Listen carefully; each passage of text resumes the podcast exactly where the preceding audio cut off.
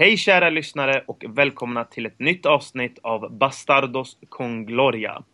Med mig idag har jag David Fjell. Läget med dig David? Det är alla tiders. Härligt att få vara med i eh, eran eh, eminenta podd. Mm. Hur känns det att vara på andra sidan så att säga idag? eh, no, det känns faktiskt ganska bra. Eh, det ska bli väldigt intressant att höra era bortförklaringar efter förlusten eh, mot Juventus. Absolut, vi är beredda. Ja. Och eh, från Real Madrid-redaktionen gästas vi, gästas vi av Gramos. Allt väl med dig? Jo då, det är bara bra. Lite trött, men det ska väl funka. Jo, eh, du vaknade faktiskt inte allt för länge sedan, men eh, du har ju laddat med Power King, så jag förlåter dig. Ja, jag sitter faktiskt med en bredvid mig nu. Så jag hoppas den ska hjälpa mig något. Härligt, härligt. Och idag har vi ett, då ett spännande schema där vi ska ta upp ganska mycket. Så jag tycker vi sätter igång på en gång här. Eh, vi börjar med dig David. Eh, Mm. Vad tror du, ja, Real Madrids titelchanser i år? Hur stora är de? Eh, alltså jag, eh, jag har ju svårt att se att eh, Barca ska tappa ligan faktiskt. De ser ju ruskigt starka ut nu. Så att där tror jag nog inte att det blir en titel. Eh, I Champions League så är det ju 2-1 ett ganska bra resultat faktiskt att få med sig på bortaplan. Eh, sen finns det ju saker i, i Real Madrid som måste förbättras till returen som jag tror vi kommer komma in till längre fram. Men eh, ligan tror jag är körd, men jag tror att de faktiskt kan göra det få faktiskt misslyckas med och det är vinna, eh, vinna Champions League två år i rad. Så att, eh, det är inte helt kört för dem. Nej, stämmer. Eh, Gramos, eh, vad, vad var det egentligen som hände vid, efter årsskiftet? Det var den där Milan-matchen.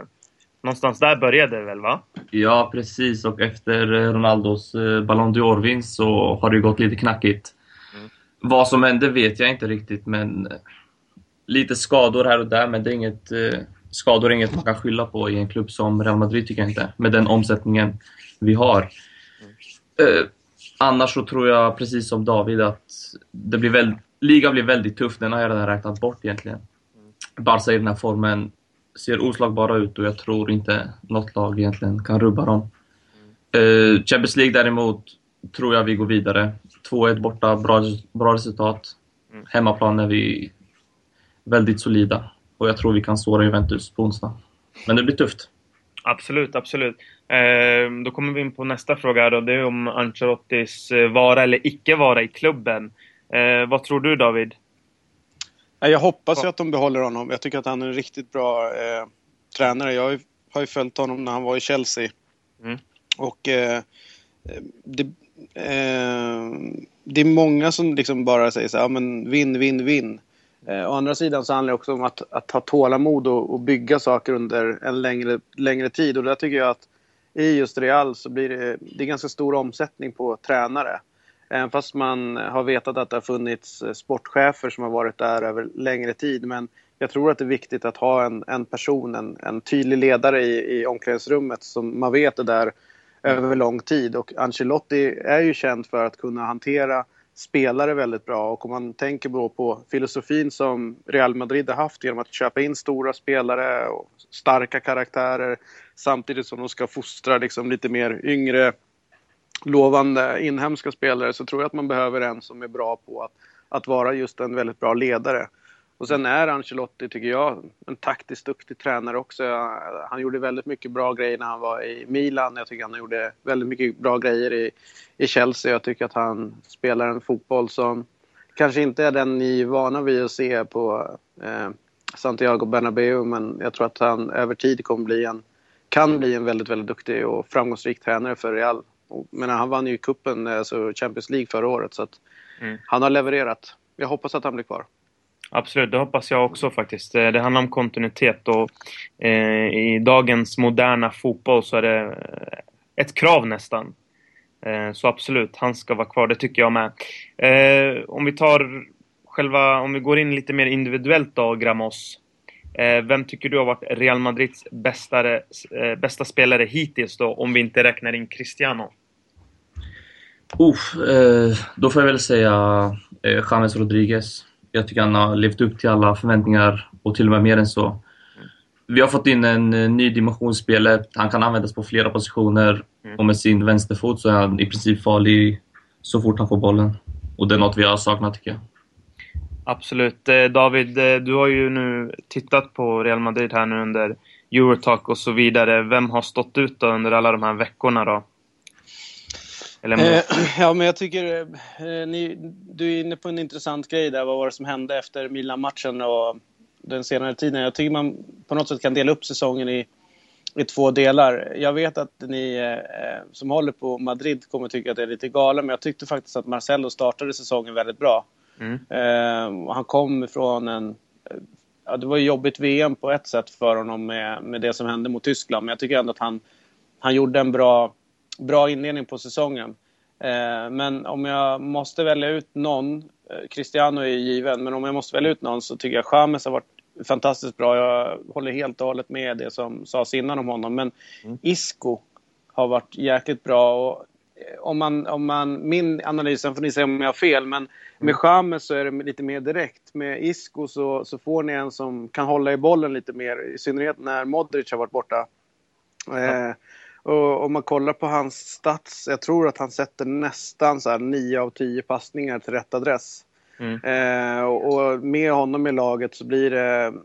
Eh, han kan liksom... Han är liksom lite grann av kreatören som, som kan få de andra att, att blomma längre fram. Och då tänker jag på en Cristiano Ronaldo och mm. eh, James. Så att Isco och James tycker jag har varit de två bästa förutom Ronaldo och att eh, i de två spelarna så har ju Real någonting att bygga på eh, för framtiden. Riktigt, riktigt spännande spelare.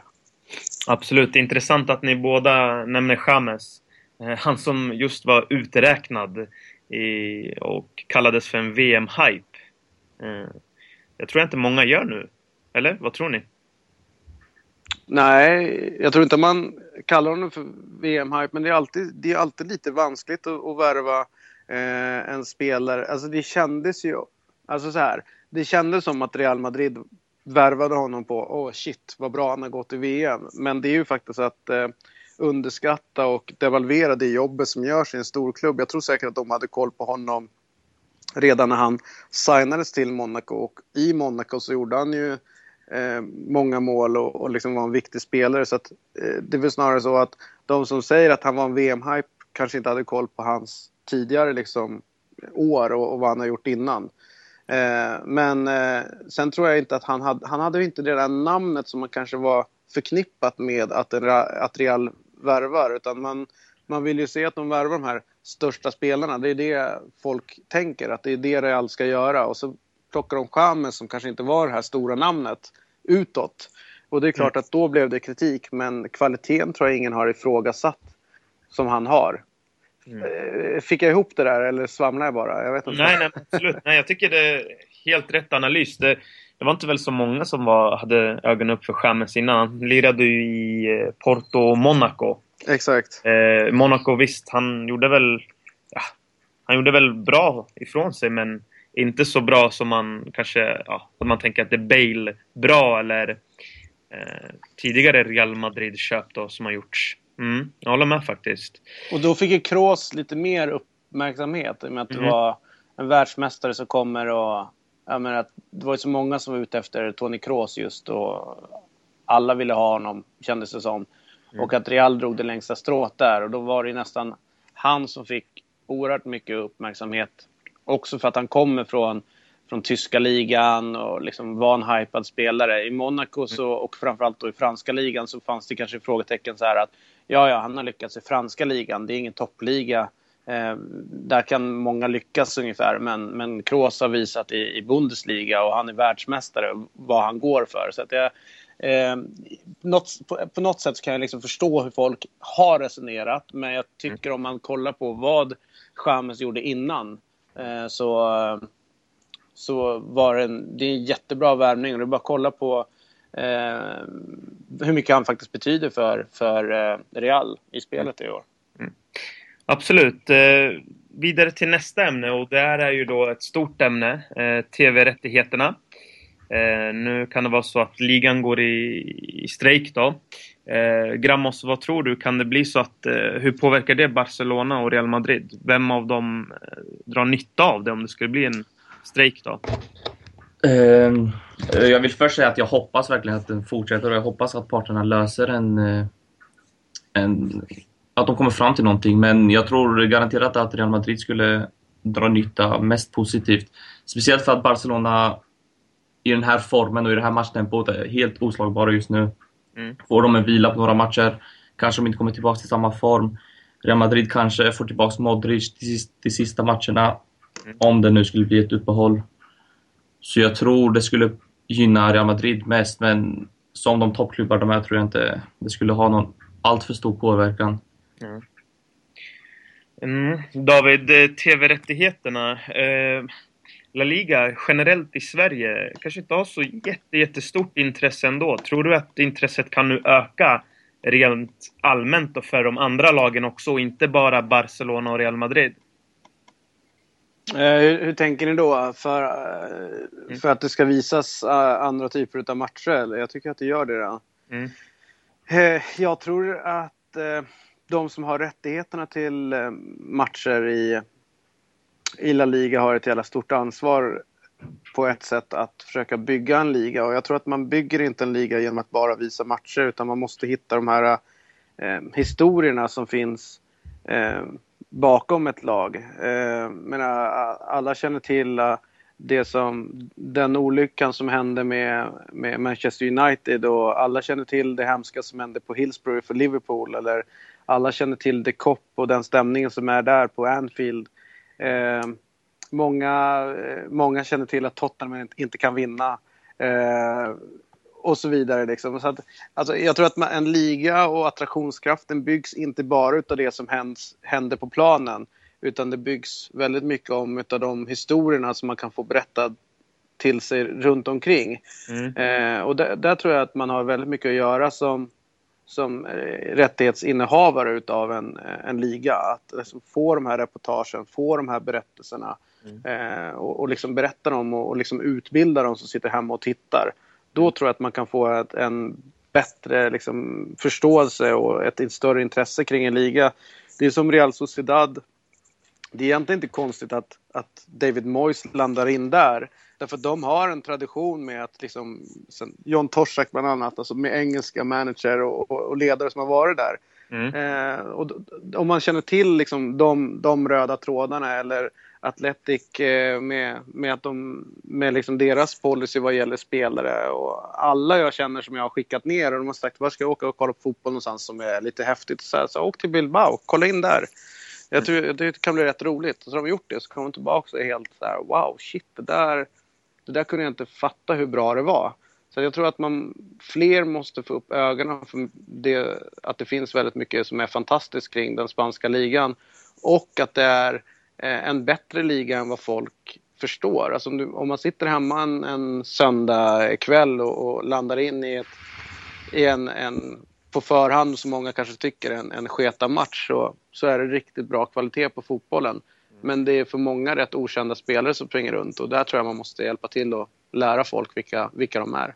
Absolut. Eh, grym analys. Eh, varför jag säger det är för att din kollega Christian Borell sa att det inte fanns spanska ambassadörer i Sverige.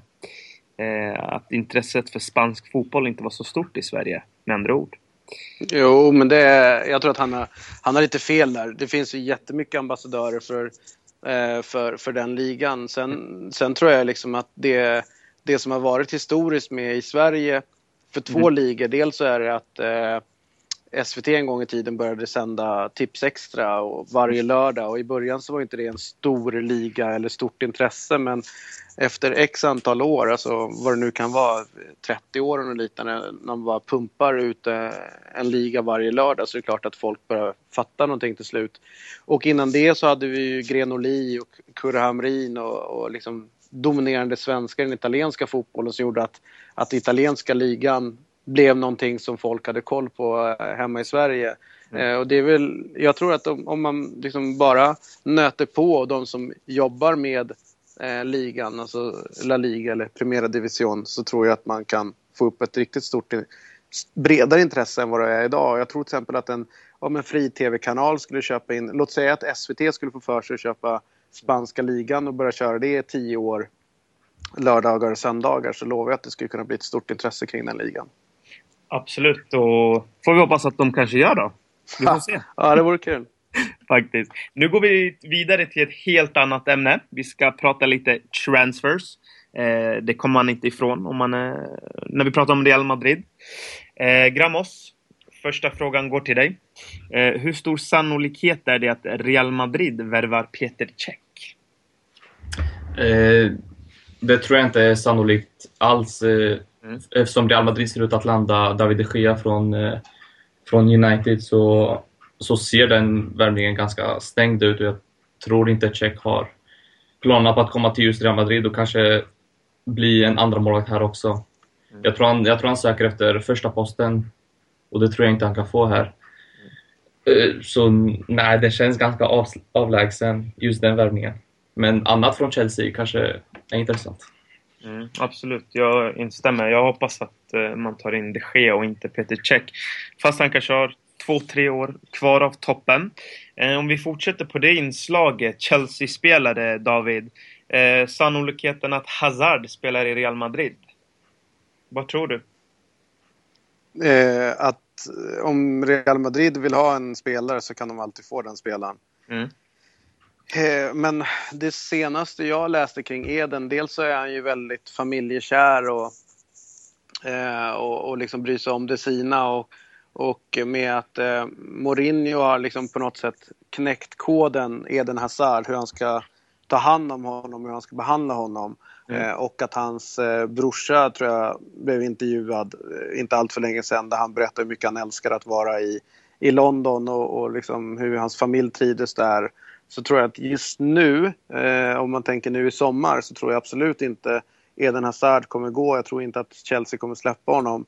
Men om några år, man vet aldrig vad som händer, om pengarna är rätt och, och om eh, Perez får för sig att öppna upp eh, pengar, pengapåsen och slänga upp en miljard så Precis. tror jag nog att eh, det kommer ske, komma till en försäljning. Men jag tror inte att eh, vi är där nu. Ja, det är, också en sån grej liksom. Eh, ämnena går lite ihop in i varandra så att säga. Det är ju den eviga diskussionen känns det som nu för tiden. Det är om Gareth Bale.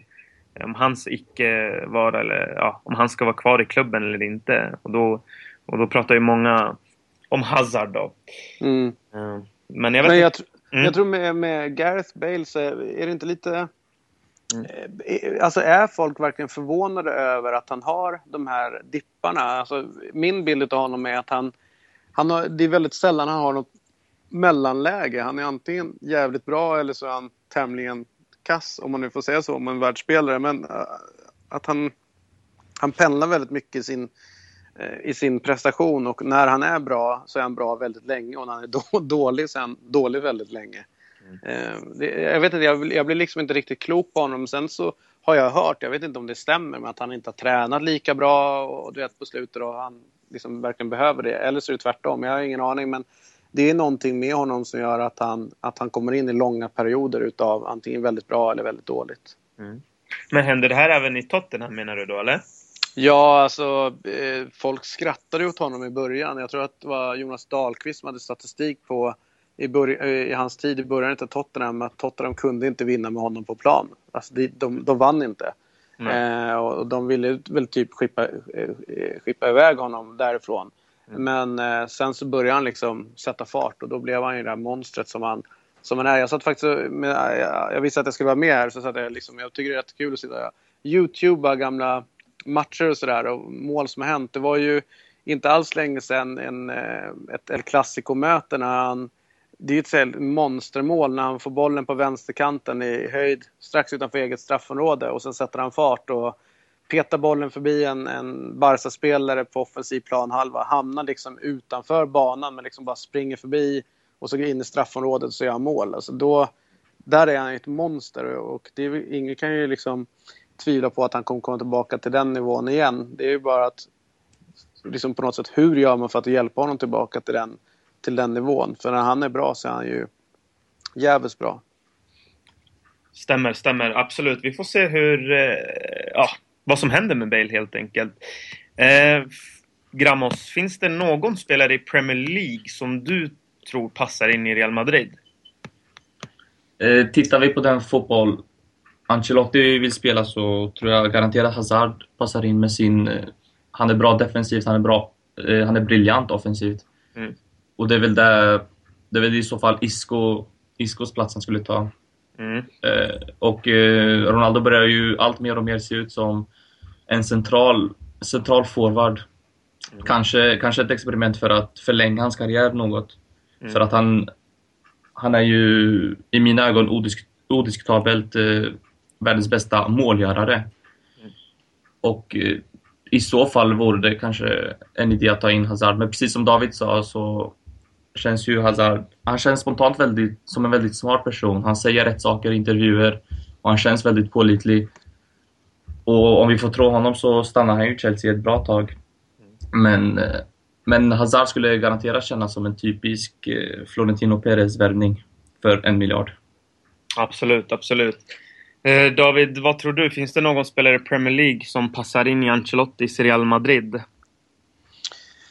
Jag, med tanke på att eh, de flesta spelarna i Premier League som är bra inte är eh, britter för att de inte håller mm. så är det ganska många spelare tror jag som skulle, liksom, om man bara tittar på det, passa in i, i, eh, i dels i spanska ligan men också hos Ancelotti. Det, någonting som jag emellanåt kan sitta och tänka på när, när det gäller eh, Real Madrid är ju att Ja, men kolla nu senast när, då är det Ramos som får kliva upp på centrala mittfältet där i någon form av sköldande roll framför backlinjen. Och den positionen tror jag väl att eh, de på något sätt ska försöka förstärka på. Och om man bara leker med tanken så här att vi ska hitta någon eh, och vi är ändå inne på samtal om eh, Chelsea så tycker jag Matic är en spelare egentligen som skulle passa in ganska bra där.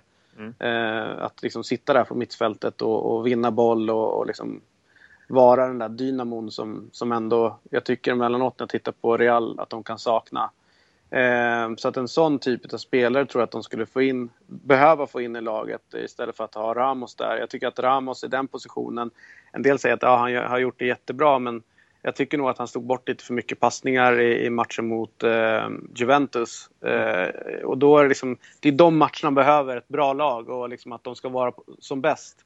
Eh, och jag tycker väl ändå att Ramos är som bäst när han är mittback och inte centralt på, på fältet. Mm. Så att hitta någon i den positionen skulle vara bra. Nu är ju Carrick för gammal men Carrick är en sån typ av spelare som de kanske skulle behövt få in i laget. Så att eh, så leta där. Mycket annat tycker jag liksom redan eh, Real Madrid har. Eh, de har eh, jag menar, Benzema kanske inte har liksom rosat marknaden allt för mycket men vi vet vad han kan. De har Ronaldo, man behöver inte säga någonting. Det är kanske en av de bästa fotbollsspelarna genom tiderna som, som har kommit fram. Vi har pratat om James, vi har pratat om Isco, det finns Modric. Alltså det finns mycket kvalitet i det där laget. Kroos finns där. Eh, men ändå någon liksom så här, som, är, som tar uppgiften att vara en defensiv mittfältare som ligger där och, och liksom balanserar upp lite grann. Det tror jag att de skulle behöva och Matic är en sån typ av spelare även fast jag hoppas att ni aldrig plockar honom. vi får se, vi får se. Mm. Man vet aldrig med Perez vet du David. Exakt. Eh, Gramos, en, eh, en eh, snabb fråga här. Eh, vem är din favoritspelare i Real Madrid genom tiderna? Uff. Exakt, där kom den va? Eh, då måste jag väl välja Zinedine Zidane eftersom jag inte har eftersom jag inte har sett, eller tillsammans med Raul också, jag har inte sett eh, Redondo och de här andra giganterna eh, så mycket som jag inte har så många år i mig. Men eh, Zidane, Ronaldo, Fenomeno då och Raúl är väl tre spelare som jag avgudar. Hela den där eh, eran där med Guti och alla... Och alla Bra val. Bra val måste jag säga. Mm. Eh, David, samma fråga till dig. Favoritspelare genom tiderna i Real Madrid?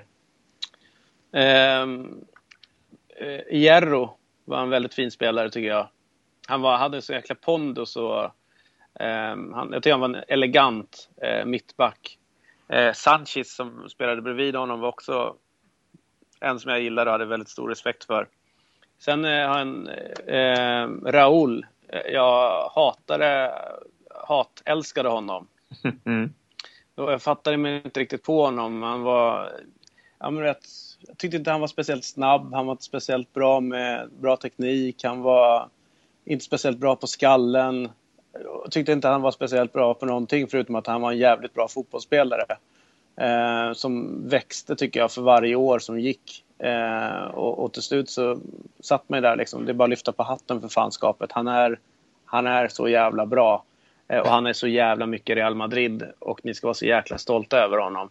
Så att han eh, tillsammans med Casillas är också en som jag följt hela vägen. Och jag, jag, jag, blir nästan, jag blir nästan upprörd varje gång jag hör folk eh, som, som kritiserar Casillas på det sätt som jag hör en del eh, Real-supportrar göra. Man, man ska visa den mannen ytterst av respekt. Absolut, absolut. Det stämmer.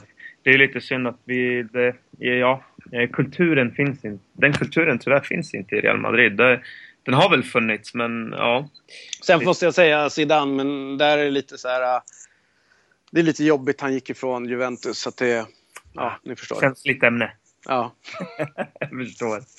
Bra, då går vi faktiskt vidare på det ämnet som, eh, ja, som vi nu väl diskuterat lite här. Real Madrid-Juventus, eh, returmötet. Eh, Gramos, vad tror du? Intressant möte, helt klart. Jag tror alla vi, vet, vi alla vet hur farliga Real Madrid är på Bernabéu. Men det blir en, en ganska stor taktisk kamp mellan, mellan Massimo Allegro och Carlo Ancelotti. Eh, Allegri imponerar ju verkligen med Juventus och har tagit eh, dem med storm. Speciellt i defensiven som jag tycker de ser väldigt kompakta ut. Eh, påminner lite mycket om när vi möter Atletico Madrid. Att vi, hade, vi har lite svårt att komma igenom lagdelarna. De står bra, krigar. Så det blir, lite, det blir ganska tufft men eh, det är en match vi, vi bör vinna tror jag. Hem på hemmaplan. Och jag tror att eh, jag, jag skulle tro att vi tar det med stödet i ryggen också. David, eh, samma fråga till dig då. Vad tror du om returmötet? Ja, för det första som jag sa innan ty tycker jag att det är bra resultat som, som de bär med sig. Eh, och då säger jag inte så att det är bra att, det ba, att de bara torskar med ett. Men, men eh, min bild är att de, de får 2-1 med sig, eller 1-2 med sig hem utan att spela bra. Eh, och någonstans är det, det finns oerhört mycket mer att ta utav i, hos Real. Eh, när det gäller, vi var inne lite grann på, på backlinjen med eh, Marcelo var inte alls bra. Jag tycker inte att eh, varken eh, Pepe eller Varan var speciellt bra eh, där är centralt eh, i, i, försvaret. Jag tycker Ramos var... Ja, ah, usch. Eh, alltså de fick det inte funka. De fick ingen flyt i det här alltså, som man är van att se när, när det liksom bara flyter på för Real. Mm. Det, alltså, det var oerhört mycket i, liksom, i detaljerna som saknades. Alltså att, att Ramos han, han, slog bort för mycket bollar och det påverkade hela det offensiva spelet. Tycker att de hamnar lite snett också i, liksom i positionsspelet i, i matchen. Men så mycket att förbättra och bara ha ett mål att plocka in när man kommer hem till Bernabéu. Ni har varit där, jag har varit där. När det är stora matcher, när det är viktiga matcher, när publiken är där och stämningen är på det sätt som nästan bara kan vara där på Bernabéu. Ehm, så, så eh, säger jag bara att om, de, om Ancelotti istället för att bli för taktisk bara liksom låter dem gå för det. Alltså bara, nu kör vi med publiken i ryggen, med Ronaldo där uppe, med en Isco, med James. Och bara som, nu ska vi trycka tillbaka Juventus, för vi vet att Juventus kommer vara defensiva eh, och satsa på omställningar. Då, då tror jag att Juventus kommer få väldigt, väldigt svårt eh, att, eh, att hålla den här ledningen. Men då, jag tror att nyckeln ligger i att Real och, och eh, Ancelotti måste våga gå för det. Mm. Absolut, stämmer. Eh, på svart och vitt nu här. Eh, vem vinner matchen, Gramos? Ja, jag tror ju jag tror såklart att mitt, mitt kära Real Madrid vinner. Men då, precis som David säger, så måste Ancelotti våga släppa på tyglarna och så att vi inte får se en liknande match som vi såg när José Mourinho tränade oss när vi spelade mot eh, Bayern München i returen eh, i semifinalen när, vi, när Ronaldo gjorde 2-0 Mm. Två snabba mål och sen så visade Mourinho lite av sin svaghet och blev lite feg. Vi släpper in 2-1 och förlorar på straffar. Så jag hoppas Ancelotti vågar spela en offensiv fotboll. 4-3-3 möjligtvis, hoppas jag på. Mm. Det ska bli intressant faktiskt. Eh, David, eh, vem vinner matchen och ja, vem vinner matchen? Jag tror att eh, jag tror att Real kommer vinna matchen och jag tror att Real kommer gå vidare. Mm. Absolut.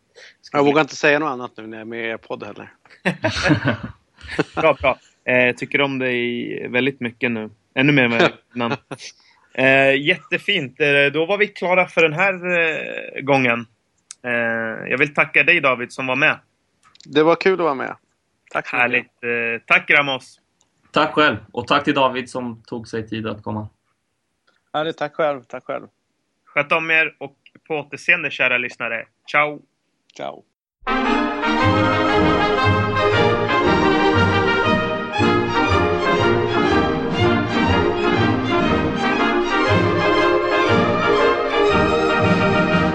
las glorias deportivas que campean por España. Va el Madrid con su bandera, limpia y blanca que no empaña. Club castizo y generoso, todo nervio y corazón Veteranos y noveles, veteranos y noveles miran siempre sus laureles con respeto y emoción. A la Madrid, a la Madrid, noble y bélico Adalid, caballero del honor. ¡A la Madrid! ¡A la Madrid! A triunfar en buena lid, defendiendo tu color. ¡A la Madrid! ¡A la Madrid! ¡A la Madrid! ¡A la Madrid! ¡A la Madrid! Noble y bélico Adalid, caballero